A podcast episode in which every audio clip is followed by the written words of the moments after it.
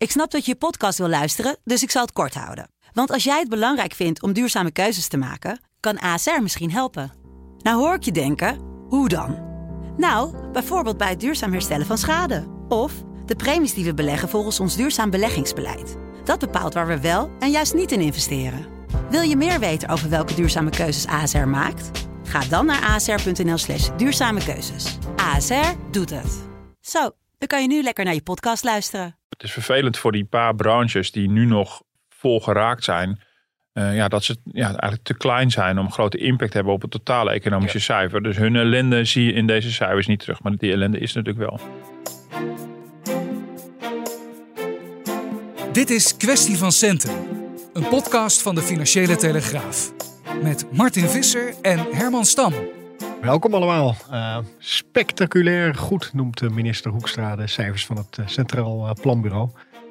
ik zie Martin hier ook vrolijk tegenover me zitten. Nou ja, meestal als journalist is het altijd een beetje raar. Dat zitten vooral te zoeken als zo'n Centraal Planbureau dit soort cijfers presenteert. Die zijn beter dan verwacht, Martin, om mm -hmm, daar maar mee te beginnen. Ja.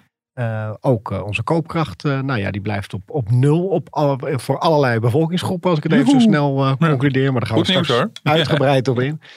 maar ik denk ook dat mensen daar vragen bij hebben van ja, lekker allemaal met die rekenmeesters. Maar ze voorspellen van alles en dat is ook allemaal niet uitgekomen. Want eerst was er een soort doemscenario, onder Ja. andere op werkloosheidsgebied. Laten we Ja. daarmee beginnen. 10% zou de werkloosheid op uitkomen. Valt nu ook allemaal wel weer mee. Hebben we ons, dat lijkt me ook een centrale vraag voor vandaag, hebben we ons er veel te veel druk zitten maken? Of zijn die hulppakketten van eh, onder andere minister Hoekstra, zijn die zo goed uitgepakt? Hebben we dat heel goed gedaan als Nederland? Maar eerst maar eens gewoon eventjes eh, heel eh, basis eh, naar, die, naar die cijfers van het Ja. Centraal Planbureau. Ja. Wat valt op? Ik, de, de, de 3,8% groei dit jaar. Ja. En dat is goed, maar waar, waar, waar let jij dan vooral op als je zo'n heel rapport ziet? Nou, daar let, let ik inderdaad op. Ik bedoel, ehm, eh, het was natuurlijk even de, het was natuurlijk zeer de vraag hoe we uit die coronacrisis zouden komen, zeg maar. En in welk tempo de economie de draad weer zou oppakken. Nou, er waren al aanwijzingen dat dat heel snel zou kunnen gaan. Dat zagen we eigenlijk. De eerste eh, het signaal daarvoor was wat er gebeurde met de economie tussen de eerste en de tweede lockdown. Dat is alweer een tijdje geleden. Toen zag je al een enorm herstel vorig jaar. Eh, tijdelijk dan eh, weliswaar van, van de economie. Dus je zag van zodra we met z'n allen weer mogen, dan doen we ook, zeg maar. Dan gaan we ook Mhm. weer uitgeven. En dan hebben, zien ondernemers het ook weer zitten. En nou, dat zie je nu vertaald in nu die tweede lockdown alweer ruim achter ons ligt.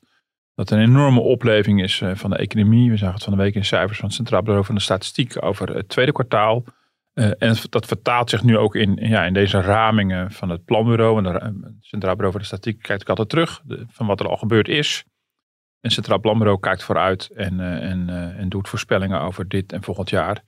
Ja, en je ziet inderdaad dat deze voorspelling, die de basis is voor de, voor de Prinsjesdagonderhandelingen van het demissionair kabinet, ja, dat, eh, dat ja, de, de, groei van de economie eh, veel harder is.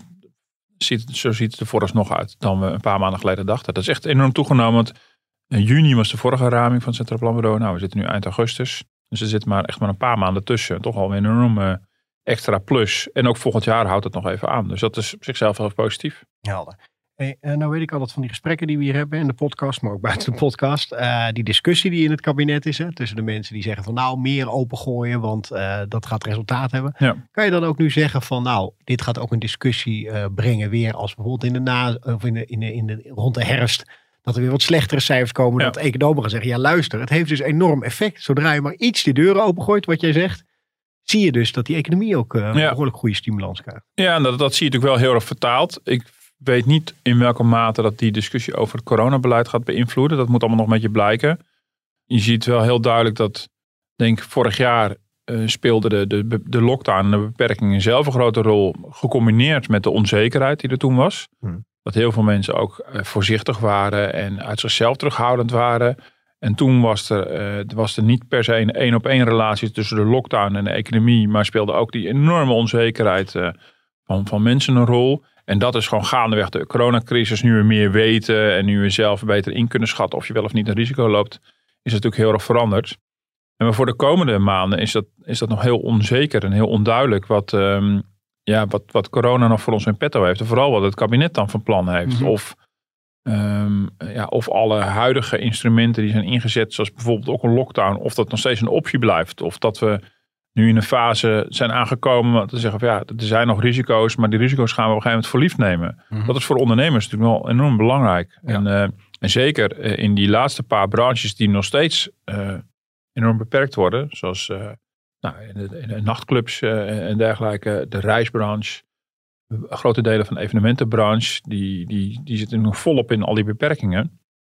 En ja, die zullen dus ook weer het eerste geraakt worden als er weer een nieuwe coronagolf komt. En dat ook weer reden is voor het kabinet om op de rem te trappen. Mhm. Maar deze cijfers laten wel inderdaad in die zin wel zien wat de prijs is die je dan betaalt. Al moet ik wel zeggen, dit zijn allemaal gemiddeldes eh, waar we het nu over hebben. En gemiddeld ziet het er fantastisch uit. En de ellende in die drie branches die ik net noemde, Mhm. ja, die zie je natuurlijk niet terug in deze cijfers. Want je Eh, ziet het ook niet in die werkloosheidscijfers dat het wordt eh, gesplitst in van dat is vooral in die sectoren. Of Nee, niet in deze voorspellingen. Nee. Dat zie je wel als het CBS dan op een gegeven moment terug gaat blikken en, en dat noteert. En dan zie je dat natuurlijk wel. Dus we hebben natuurlijk wel duidelijk gezien, nou, bijvoorbeeld de horeca, dat daar ja, er enorme verschuivingen zijn geweest. Dat is geen verrassing, maar dat komt inderdaad, dat zie je terug in de statistieken. Mhm. Dat, eh, dat de werkgelegenheid daar natuurlijk enorm is teruggelopen. En nu eh, en weer tegelijkertijd weer gigantisch aantrekt. Zodanig dat de horeca niet aan mensen kan komen. Maar nu in die voorspellingen zie je, zie je dat niet terug. En ja, het is vervelend voor die, voor die paar branches die nu nog eh, vol geraakt zijn. Eh, ja, dat ze ja, eigenlijk te klein zijn om grote impact te hebben op het totale economische cijfer. Dus hun ellende zie je in deze cijfers niet terug. Maar dat, dat, die ellende is natuurlijk wel. Ja, maar volgens mij waarschuw je eh, een beetje tussen neus en lippen door ook ervoor van luister, eh, het wordt dus ook steeds minder urgent. Want nou ja, Hoekstra begonnen we mee, die dit spectaculair noemt. Je kan er ook een beetje een houding door krijgen van nou, het gaat eigenlijk allemaal wel prima. Ja. Eh, we, we hoeven niet zoveel meer te Volgens mij heeft hij Zeker. zelfs al gezegd, qua steunpakketten kunnen we al meer gaan Ja. terugdraaien. Ja, zeker. Ja. Nee, dus, dat is, ik ben heel benieuwd hoe dat, welke dynamiek dit geeft. Want ja, dit zijn cijfers waarmee eh, de politiek niet meteen denkt van oeh, we moeten in actie schieten. En ik ben inderdaad heel benieuwd wat het voor de, voor de urgentie doet op tal van terreinen. Kijk, we hebben natuurlijk de afgelopen maanden eh, hebben steeds een wat wazige verhaal gehad van Mariette Hamer, de formateur, over het herstelplan. Dat is allemaal heel druk geweest. We zijn het er bijna weer vergeten, maar eh, dat, daar zijn ook weken van informatie aan opgegaan. Mhm. En toen kwam er een herstelplan. Nou, dat was een soort verzameling met een open deur en een nietje er doorheen. Ja. Ja, want, Ehm, wel, sorry, maar het idee was eerst een herstelplan Ja. en dan pas echt gaan ja, formeren. ja, en dan kon op herstelplan kon de politieke overeenstemming worden gevonden. Nou, Rutte heeft het zelf in een verkiezingscampagne eh, bij ons in de krant toen geopperd. Van Mhm. eh, het zou goed zijn als we als eerste fase van de formatie tot een herstelplan komen voor de economie. Daar brede consensus over vinden en dan kunnen we daarna verder formeren. Nou, inmiddels zijn we natuurlijk zover dat een herstelplan eigenlijk helemaal niet meer nodig is. Maar het gaat nu volgens deze cijfers zo ongelooflijk goed met de economie, maar ook de werkloosheid die heel laag blijft dat je het risico loopt dat, dat elke politieke urgentie om, om haast te maken, en dan niet zozeer met Prinsjesdag, eh, maar gewoon met de formatie zelf, dat die ook verdwijnt. Daar ben ik ook heel benieuwd naar. Bijvoorbeeld, begin van de coronacrisis zagen heel veel eh, politieke partijen ehm, hun, gela- hun gelijk bevestigd over de doorgeslagen flex- flexibilisering van de arbeidsmarkt. Er werd toen heel veel gezegd van zie je wel, al die flexwerkers verliezen nu hun baan. Ehm, Dat hebben we altijd al gezegd. Een extra reden om, om iets aan de arbeidsmarkt te gaan doen. Nu je ziet dat het beeld weer gewoon totaal gekanteld is. En de werkloosheid echt al heel lang weer afneemt. En heel veel flexwerkers ook weer een nieuwe plek hebben gevonden op de arbeidsmarkt. Zou het ook best kunnen zijn, ehm, ja, dat problemen zijn niet opgelost. ehm, maar het zou best kunnen zijn ja, dat, die, dat die politieke druk om daar snel op te handelen enorm gaat afnemen. En dat geldt ook wel voor meer problemen. Dat je denkt, van, nou, het loopt eigenlijk allemaal vanzelf wel. Dus ik ben heel benieuwd. Dit is, Hier gaat de formatie niet sneller van Ze lopen. in deden een geval. plas en alles eh, bleef zoals het was. eh, Ja, nou ja, en, en op korte termijn heb je natuurlijk, ga je de discussie krijgen. De, de, de komende week gaan, gaan de begrotingsbesprekingen beginnen. Kijk, heel grote delen van de, van de Prinsjesdagbegroting staat ook al lang in de stijgers. Maar tra- traditiegetrouw wordt er eind augustus is het laatste deel. Dat gaat over het lastenbeeld, dus de, de belastingen en dergelijke. En er wordt naar de koopkracht gekeken. Cijfers van het Centraal Planbureau die vandaag zijn uitgekomen, die zijn ook echt input voor die besprekingen. Ehm, ja, eh, eh, de koopkrachtgroei van uh, nagenoeg alle groepen die het CPB eh uitsplitst, eh, is voor volgend jaar 0,0 procent. Ook een heel gek beeld. Ja, eh, ik denk dat het kabinet liever wat plusjes wil zien. Mhm. Maar het is ook, het is, ja, de alarmbellen zullen ook niet afgaan in Den Haag, ook op, dit- ook op dit terrein. Ja, je krijgt misschien ook wel eh, de lijn zo van ja, dat hoort er nou eenmaal bij, 0%, want we hebben een zwaar jaar gehad. Ja. En nou goed, daar kunnen we allemaal wel mee leven in Den Ja, Haag. nou daar ben ik dus inderdaad benieuwd naar. Welke, je kan dus die twee kanten kiezen. Je kan zeggen van, eh, ja, het is nogal logisch dat na een crisis dat, dat we allemaal even de broekriem moeten aantrekken. En het is natuurlijk wel, het is ook wel zo dat ja, eh, het overgrote deel van de Nederlanders financieel gezien nauwelijks last heeft gehad van de coronacrisis. Dat zit hem echt bij heel specifieke groepen. Specifieke groepen ondernemers die een hoge prijs hebben moeten betalen, ondanks al die steunpakketten.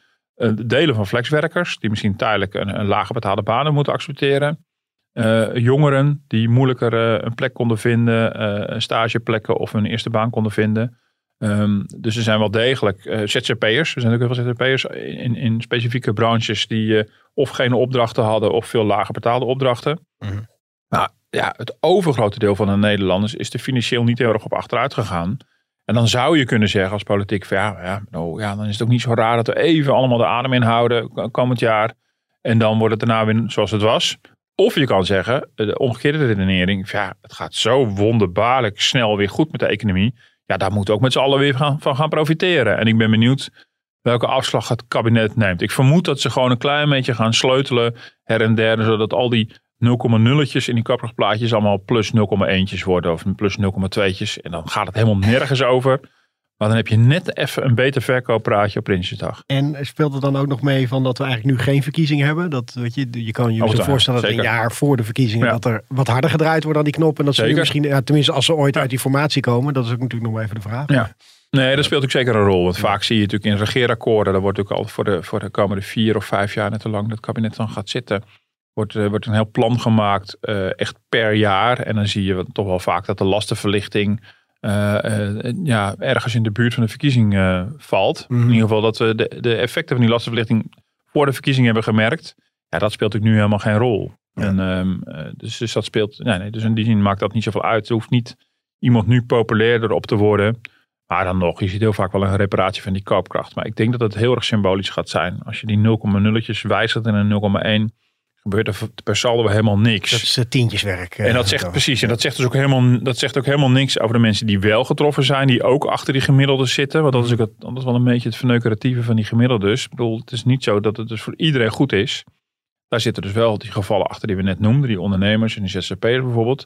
Maar bijvoorbeeld bij gepensioneerden, die ook, ook, ook ja, grofweg op 0,0 uitkomen daar zitten natuurlijk wel degelijk ook gepensioneerden achter. Die natuurlijk zien dat hun aanvullend pensioen al jarenlang niet meer meestijgt met de prijzen. Mm -hmm. Ja, die vallen ook een beetje weg in die, in die gemiddeldes. Ja. ja, want daar was deze week natuurlijk ook uh, nieuws over. Hè? Ja. Uh, ABN AMRO had daar een uh, rapport over. En daaruit bleek juist dat die gepensioneerden wat harder achteruit ja. zouden gaan. Hoe, ja, dus ik was ook wel verrast door deze CPB-cijfers. Nou moet ik zeggen, dat is altijd weer de definitie, welke definitie je hanteert. Um, Goed, zonder al te technisch te worden, het Centraal Planbureau kijkt naar de koopkracht en, en ABN AMRO in dit geval naar de besteedbaar inkomens. Dus het net even iets andere dingen. Uh, het zit wel heel erg dicht bij elkaar in de buurt. Dus ik had wel verwacht als de een op een min uitkomt, dat ik de ander op, ook wel op een min verwacht. Um, uh, ja, dat is wel opvallend. Uh, dan moet ik wel zeggen dat het is ook maar net wat je in het model stopt. Het Centraal Planbureau gaat ervan uit dat de prijsstijgingen dit jaar nog iets minder hard gaan dan, dan eerder gedacht. Uh, ze gaan er misschien vanuit dat de lonen wat sneller aantrekken. En aantrekkende lonen vertaalt zich ook weer in een hogere AOW bijvoorbeeld. Dus dan een koppeling tussen de algemene loonontwikkeling en, en, de, en de AOW. En de ABN AMRO, uh, dacht het economisch bureau daarvan, dacht deze week nog, ja, het is een soort optelsom voor gepensioneerden van A, die aanvullende pensioenen die niet meestijgen met de prijsstijgingen. In het beste geval maar een heel klein beetje. Mhm. Dat is al heel langer gaande. En tot, tot voor kort werd het min of meer gecompenseerd, gemiddeld gecompenseerd door het feit dat de AOW gewoon goed uh, welvaartsvast was en meegroeide. En zij voorzagen dat de AOW ook zou stagneren. En dat zit blijkbaar niet in de uitkomst van het Centraal Planbureau. Mm um, dus dat is wel een opvallend, een opvallend verschil. En dan zie je, ja, het kabinet gaat nog koers op die uh, Centraal Planbureau cijfers. Dit zijn de officiële cijfers. Ja. En wat hoor je nou als reactie uh, bijvoorbeeld van uh, Bon en zo? Ik kan me ook voorstellen dat mensen denken van ja, oké, okay, uh, een soort pas op de plaats, 0, ja. 0, 0 om het zo te zeggen. Maar ik zie bijvoorbeeld zelf de bui al hangen dat ik denk van nou, waarschijnlijk zal je wel een paar jaar dan moeten wachten voordat werkgevers weer gaan zeggen. Ja, van, zeker. Kan wel bij. Ja. Nou, het zit aan twee, twee kanten. Hè. Die, die, die, de koopkracht die kan je nou, voor werken in ieder geval via de lonen krijgen of via de belastingen. simpel gezegd, dus of je loon moet omhoog of de belastingen moeten omlaag. Um, in de koopkracht zit nog veel meer dan dat hoor. Ik bedoel, ook gemeentelijke belastingen en dergelijke. Maar even, de, de, twee grote pijlers zijn toch dat. Ja, en wat ik tot nu toe vanuit vakbondskringen hoor is uh, wel dat ze geen genoegen nemen met die 0,0 procent. Het idee van ja, als het dan zo snel zoveel beter gaat, dan moet iedereen ook weer mee, mee kunnen profiteren. Ja, en dan is het ook net een beetje in, in welke vakbond je belt. Of je dat van het kabinet verwacht of van de werkgevers. Um, dit is in ieder geval wel een, een pleidooi voor lastenverlichting. En vanuit, vanuit de FNV verwacht ik uh, wel dat die zullen zeggen van werkgevers moeten niet te lang op de rem blijven staan. Want dat, dan gaan, krijgen we een soort herhaling van bij de vorige crisis. Waarbij werkgevers heel lang bleven zeggen van ja, het is net crisis geweest. En we moeten nog voorzichtig zijn. En uh, dus er zal een enorme druk zijn, denk ik, vanuit, vanuit de FNV op, op werkgevers bij CEO-onderhandelingen. In die sectoren die weer helemaal aan het opkrabbelen zijn. Om zo snel mogelijk weer normale CEO-lonen af te spreken. En, uh, want ze hebben bij best veel, afgelopen jaar bij best veel sectoren hebben ze, hebben ze de nullijn afgesproken. Uh, branches als de horeca en dergelijke, waar het natuurlijk evident heel zwaar weer was, is het ook logisch en lijkt me dat ook verantwoord. Nou, dat is het voordeel van het Nederlandse poldermodel. Dan, uh, dan kennen wij de vakbonden die uh, ook best heel verantwoord zijn. In Frankrijk snappen ze er niks van, maar in Nederland is het heel normaal. Maar dan is het natuurlijk wel, ja, dan is het ook een, zou het ook een kwestie van vertrouwen moeten zijn richting werkgevers, dat, dat die ook wel weer, ook wel weer um, ja, in de buidel tasten, zodat het echt gewoon weer evident beter gaat. En dat wordt wel spannend of dat Ja. gaat gebeuren. Ja, en die werkgevers zullen eerder naar het kabinet kijken van ja, zorg nou maar gewoon dat er wat eh, lastenverlichting is. Nou, en zeker als er natuurlijk voor die, voor die branches heel veel onzekerheid blijft rondom corona. Kijk, weet je, de situatie is nu, nu eh, eh, wat is het, 85% van de mensen gevaccineerd is totaal anders dan een jaar geleden. Dat is waar. Uh, maar het is nog wel een uh, enorm dilemma van hoe gaan we nu verder met corona en, en, en wat, wat trekken we uit de kast als er weer, nog weer nieuwere varianten komen die nog agressiever zijn. En sommige branches zullen zeggen, ja, uh, we wachten het allemaal rustig af. Dus zolang het kabinet over het coronabeleid onzekerheid laat bestaan, uh, geeft het werkgevers weer een argument om te zeggen, van, ja, we weten het allemaal nog niet, maar eerst herstellen. Je zag overigens in die, deze week in, in de cijfers van het Centraal, Plan, Centraal Bureau voor de Statistiek over het tweede kwartaal, inderdaad de economie het heel goed heeft. Bijvoorbeeld de investeringen die namen af. Mhm. Mm -hmm. Dat is een, ja, een opvallend signaal, dat misschien maar eenmalig is, misschien helemaal niks zegt. Maar ja, ik probeer toch wel in de gaten te blijven houden ja, waaruit de statistieken blijkt dat er toch nog onzekerheid in de markt zit. Je ziet het consumentenvertrouwen in, in Amerika bijvoorbeeld uh, afnemen. In Nederland stagneert het consumentenvertrouwen. Dus ik kan me voorstellen dat er een zekere mate van terughoudendheid en onzekerheid in de economie blijft zitten. En dat kan bij de consument zitten, maar het zit misschien vooral bij bepaalde ondernemers in branches die weten dat ze voor in de rij staan als er weer um, coronabeperkingen worden doorgevoerd. Ja. En hoe lang blijven, gaan we er last van krijgen? Houden we er last van van die onzekerheid? Betekent dat werkgevers niet durven te investeren en GCO-lonen, want daar hadden we het over, eh, durven uit te delen? Of is het een kwestie, of is dat iets wat gewoon weg zal ebben? Dat, mm. ja, dat moet een beetje blijken. En, en wat verwacht je dan van het kabinet? Want je zegt van ja, goed, het is gewoon onduidelijk hè, wat ze dan gaan doen qua ja. beleid. Maar kunnen ze ja. dan nu eigenlijk al wat meer duidelijkheid verschaffen, vind je? Ja, nou, dat is, dat is ook wel heel lastig. Bedoel, ze kunnen het niet voorspellen. Dat zullen ze meteen zeggen. Ja, we weten niet hoe de toekomst eruit ziet. Maar wat ik tot nu toe eigenlijk de hele tijd al gemist heb bij het kabinet op dit terrein, is toch een soort van scenario denken. Dat je gewoon, en dat je probeert helder te maken wat de kaders van je beleid zijn. En dat, dat wordt, voor mijn gevoel, onvoldoende gedaan. Als je nou bijvoorbeeld kijkt naar de persconferentie van vorige week vrijdag. Uh, waar Rutte en de jongen natuurlijk wel duidelijkheid gaven over 20 september. Dan gaat, uh, dan gaat uh, mogelijk de anderhalve meter regel eraan. De thuiswerkadvies gaat er misschien aan. En dan 1 november mag misschien het nachtleven weer, weer gaan draaien. Dat zijn hele concrete maatregelen. Um, die ook heel duidelijk gecommuniceerd moeten worden. Maar je hebt natuurlijk ook nog eens een keer de hele gedachte en filosofie erachter. Ik mag hopen dat het kabinet en die ministeries ook nadenken van ja, hoe gaat eigenlijk dat najaar eruit zien? Niet zo van dat gaan we voorspellen, maar wel van ja, ja hoe gaan we, uh, ja, op, op wat voor manier gaan we meenemen ja, dat corona een risico is dat blijvend is. Um, ja, ik weet dat dat bij VNO, bij de werkgeversclub, en nu al een, al een poosje al wat, wat onrustig is over, over de vraag van, kan er weer een nieuwe lockdown komen? Ik bedoel, niet nu, ik bedoel, dat is nu helemaal niet actueel. Of, uh, kijk, en ik snap, ik, ik zal een kabinet zeggen, ja, we kunnen nooit iets uitsluiten. Dat begrijp ik ook wel. Maar dat je, je toch een soort gevoel krijgt van, we gaan nu echt een nieuwe fase in van de coronacrisis. Wat zijn eigenlijk de, ja, de, de, de randvoorwaarden, de parameters waar het kabinet naar kijkt? Waar gaan ze op sturen?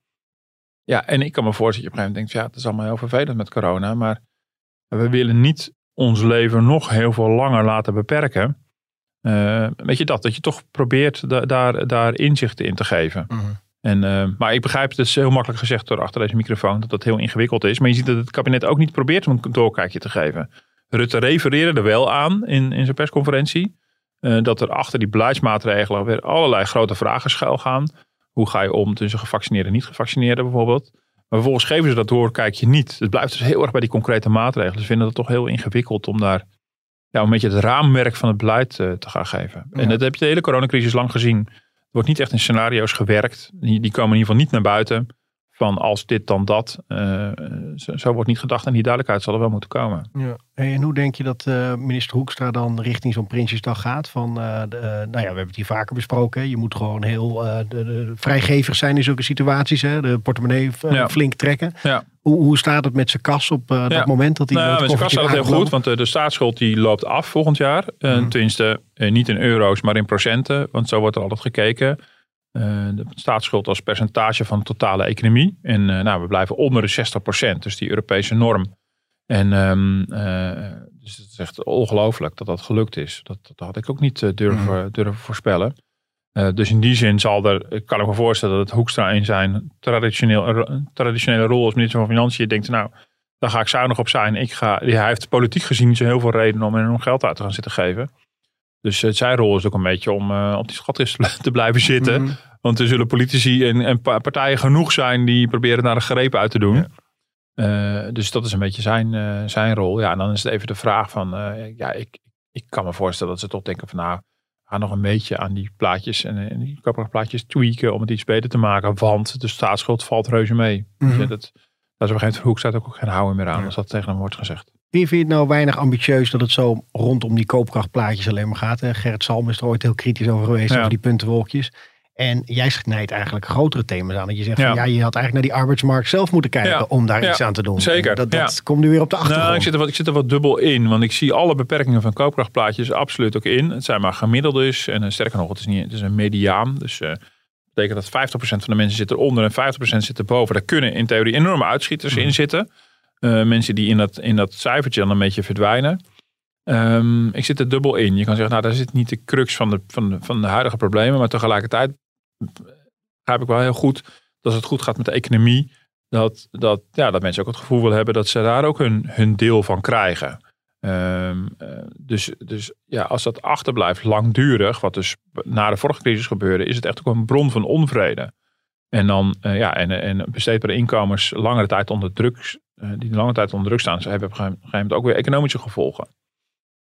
En tegelijkertijd denk ik inderdaad, ja, het, het is niet het grootste, meest springende probleem wat we, wat we nu hebben. Dat mm. zit hem inderdaad op andere terreinen die mensen ook heel erg gaan helpen. Nou, de flexwerkers die misschien een betere positie uh, en meer bescherming zouden moeten krijgen. Dat is voor de langere termijn voor die groep ook veel beter dan ja, een, een, een koopkrachtplusje uh, van 0,1 of niet. Mhm. Snap je? Ja. Uh, maar daarmee vind ik de koopkrachtplaatjes niet totaal onbelangrijk. Alleen je moet wel heel erg uitkijken om helemaal op de loop te gaan met die cijfertjes.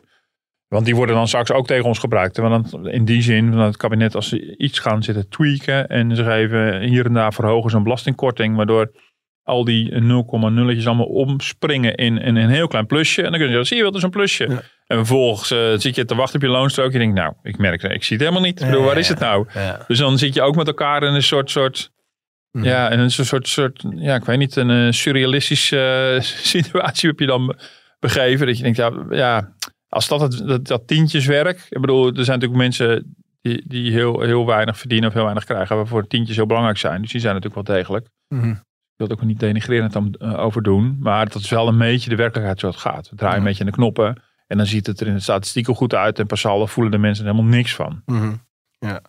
Je hebt natuurlijk die, die, die beschermingen op de arbeidsmarkt waar je het over kan hebben. Maar Ja. eigenlijk ook vooral, eh, wat je deze week ook weer zag en al een tijdje bezig is, eh, is het vooral heel moeilijk om genoeg mensen te Ja. vinden voor al die vacatures. Ja. Geloof ik, eh, deze week kwam weer naar buiten dat we in 50 jaar nog nooit zo nijpend is geweest, die Ja. tekorten. Ja, en dat komt omdat het een, een, niet langer dan 50 jaar is gemeten. Dus waarschijnlijk is het nog langer. Ja, precies. Maar dat lijkt me ook wel de uitdaging dan voor de toekomst. Als je nu ziet van nou, we gaan weer een beetje groeien. Dus we willen meer mensen aannemen. En die zijn er eigenlijk helemaal niet. Zeker, nee. en dat zal ook wel de, de lonen weer, alweer eh, eh, omhoog krijgen. Dus dat is weer voor werkenden in ieder geval positief. Mhm. Ondernemers misschien wat minder. Eh, nee, zeker. Dus die krapte van voor corona is volop terug. En nu krijg je een soort combinatie van twee factoren. Dat is die structurele krapte die er al was. En dat komt gewoon omdat onze ja, de samenleving, dus de, de samenstelling van de samenleving totaal aan het veranderen is. De vergrijzing Mhm. en, en ontgroening. Dus meer ouderen in verhouding en minder jongeren in verhouding. Dus dat is natuurlijk wel een, een, een lang lopende trend. En dat komt bij een tijdelijk effect van het hele snelle herstel van de coronacrisis. Waarbij bijvoorbeeld horecabedrijven eerst een zak en as zaten. En nu van gekkigheid niet weten waar ze de mensen Ja, vandaan moeten ja. halen. Je ziet dat- al van die berichten van een dag extra dicht, omdat ze niet genoeg Ja, personeel nou, dat, dat kunnen effect zal op een gegeven moment gaandeweg minder worden. Eh, maar inderdaad, dit is natuurlijk wel het moment om te zien dat je de, de nou, pakweg een miljoen mensen die nog aan de zijlijn staan. Die op een gegeven moment uit de statistieken zijn gevallen omdat ze niet meer actief op zoek zijn en dergelijke. eh, niet met meteen in te zetten zijn om daar iets mee te gaan doen. Ja. En eh, dat, dat, ja, dus in die zin is daar echt wel werk aan de winkel. En dat is primair misschien voor gemeentes.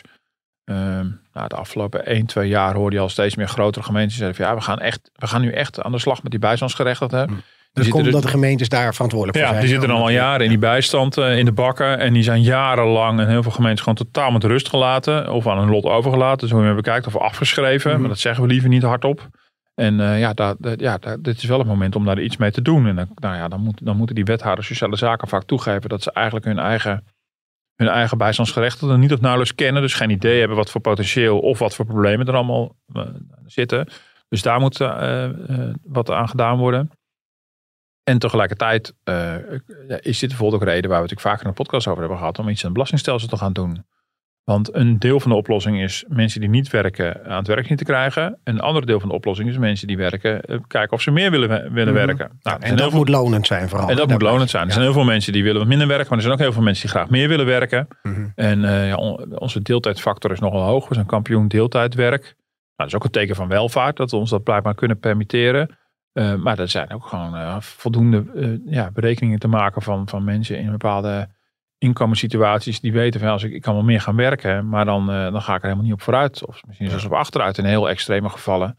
Omdat toeslagen wegvallen of ja, het belastingssysteem en toeslagensysteem zit zo in elkaar dat er bepaalde inkomensgroepen er helemaal geen enkel financieel belang meer hebben om meer te gaan werken. Nou, daar Mm. moet echt heel snel iets aan gebeuren. Ja.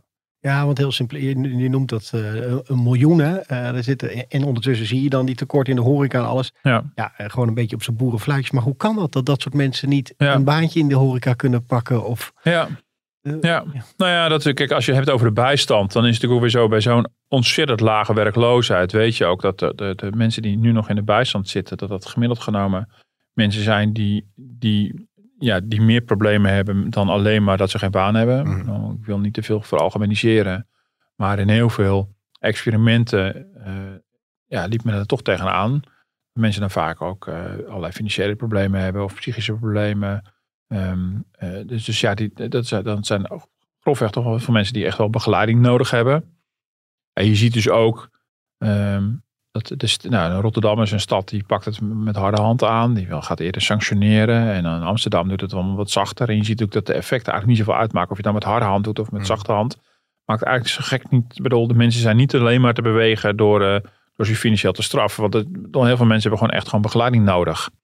Ehm, dus, dus daar is niet één recept voor. En dus het is inderdaad niet zo heel gemakkelijk. Maar ik denk, ja, weet je, ehm, als je er dus niks aan doet, dan schrijven deze mensen ook gewoon af. Dat is ook wel een hele harde boodschap. Eh, maar het is niet zo dat, dat, dat daar nou in de bakken van de, de, de bijstand nou talloze mensen zitten die meteen morgen aan de slag gaan en niks aan de hand. En eh, dat ze altijd op hun tijd op hun werk zullen verschijnen. En ja, da- daar, meestal spelen daar veel meer de dingen een, eh, een rol. Nou, dan speelt ook wel ook een rol wat we net even noemden. Van, is het financieel wel heel erg aantrekkelijk? Ik Mhm. die, die, die, die gevallen zullen er ook wel bij zitten. Je denkt, ja, ik moet ineens heel hard werken. Wat schiet ik eigenlijk mee op? En ik, ik zit bij mijn kinderen bijvoorbeeld. En alleenstaande moeder in de bijstand. Die, die met kinderen... eh, eh, die, die dan eens opvang moet regelen. Nou, dan krijg je de hele toestand van die, eh, die, de, toeslagen en zo. Dat is voor mensen met een laag inkomen is dat best een heel kwetsbaar iets. Om ineens helemaal afhankelijk te zijn van misschien wel drie of vier dagen aan kinderopvangtoeslag per week.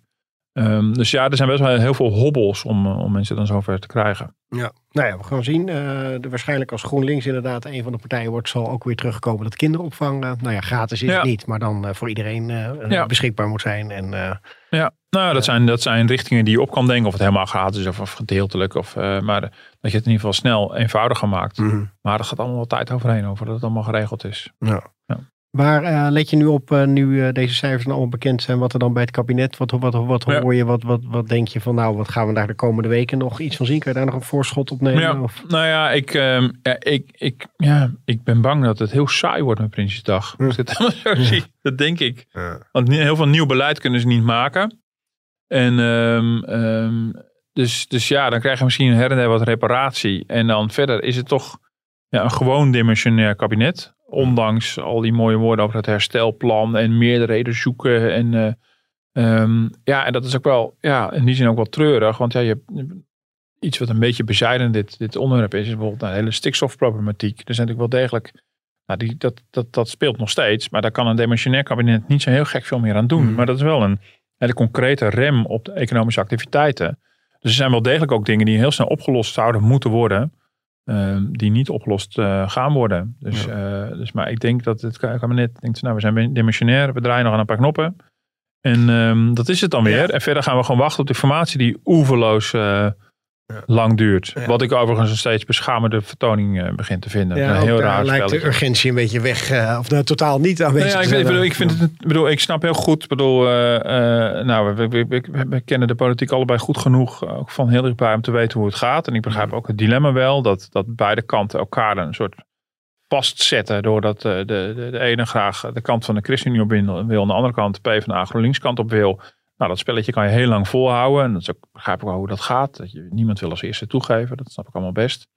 Maar in toenemende mate wordt het echt wel een soort schoffering van, van mij als kiezer. Ik bedoel, ook gewoon dat we naar dat, we naar dat gelul moeten luisteren. Ja, dat spijt me verschrikkelijk. Ik bedoel, Nee. ja, maar dat is echt ongelooflijk dat ze, weet je, als ze inhoudelijk aan het onderhandelen zijn en dat ze dan schimmig doen eh, eh, over de inhoud, zeggen, daar kunnen we niks over zeggen, dat begrijp ik allemaal wel. Maar ze zijn dus nu zelfs schimmig gaan doen van wie met wie en, en eh, eh, wie er nog in het mandje zit. En ik bedoel, ik snap allemaal hoe het gaat, maar het, het begint wel echt wel gênant te worden. Mhm. Ik vind het echt heel gênant worden. En dan ben ik bang dat deze florissante cijfers, nou dat zeiden we eerder, niet echt een soort eh, aanzet zijn om haast te gaan maken. Terwijl er wel echt wel, wel, wel reden toe is om dat te doen. Ja, nou, het, is te afsluiten. Het is niet anders. Ik kan niet anders dan, dan eens met je zijn eigenlijk. Dus, eh, en ik denk dat het eh, zo voelt eh, bij, heel veel, bij heel veel mensen die zeggen van... Ja, die weet je, hak nou gewoon een knop door en ga gewoon aan de slag, mensen. Kom op. Ik bedoel, en profiteer dan ook van het feit dat het nu zo goed gaat. Ik bedoel, Mhm. gebruik, gebruik dit, dan kan je ook zeggen, gebruik nou dit momentum. Ja. En wees daar blij mee dat de economie zo veerkrachtig is, zo snel herstelt. Dat is natuurlijk een, echt een geschenk. Dat hadden we echt een jaar geleden niet durven hopen. Het is gewoon het moment om ook gewoon een paar moeilijke dossiers eh, aan te gaan pakken. Je kan ook heel eh, cynisch zeggen, het maakt allemaal niet zoveel uit. Of het nou eh, een demissionair kabinet zit of wat dan ook. Dat kan ook. Nee, dat, dat, eh, ehm, ja, die bewaren voor de volgende Ja, keer. precies. Heel goed.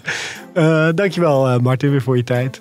U kunt ons luisteren op de podcast apps. En stuur ons ook mails op uh, podcast.dft.nl. tot volgende week. Tot volgende week.